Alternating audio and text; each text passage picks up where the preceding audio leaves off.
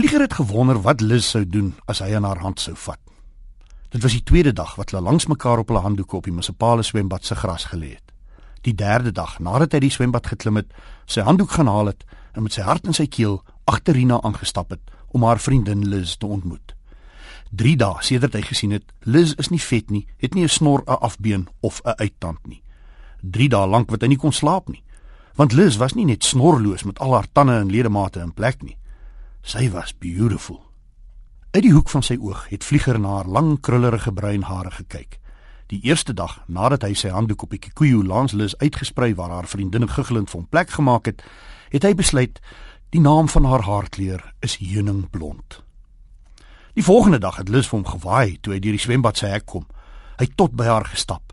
Haar hare was geblou draai en sy het nie oornag 'n tand verloor of 'n snor of bosse onderarmhare gekweek nie. Sy was nog steeds mooi. Hy het sy hande oopgerol en langs haar gaan lê asof dit iets is wat hy elke dag van sy lewe doen. By haar arm het 'n grys storieboek gelê wat nie 'n biblioteekboek was nie. Vlieger was beïndruk. Hy het nog nooit iemand ontmoet wat boeke gekoop het nie. As hy heeltemal eerlik moes wees, het niemand in my straat behalwe sy ma, sy pa en drie nie boeke gelees nie. Soms het die bure gespot omdat hulle gesin biblioteek toe gaan. Die feit dat Liz 'n boek by haar gehad het wat nie 'n biblioteekboek was nie, het beteken dat haar ouers ryker as vliegersin was. Die feit dat sy 'n boek in die openbaar gelees het, het beteken sy gee nie regtig om wat ander mense van haar dink nie. Ehm, um, wat wat lees jy? het hy gevra. The Grapes of Wrath, het sy geantwoord.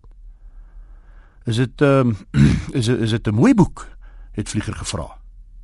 Mooi, het Liz gefrons. En vlieger het besef Mooi is nie 'n woord wat jy gebruik wanneer jy oor boeke praat nie.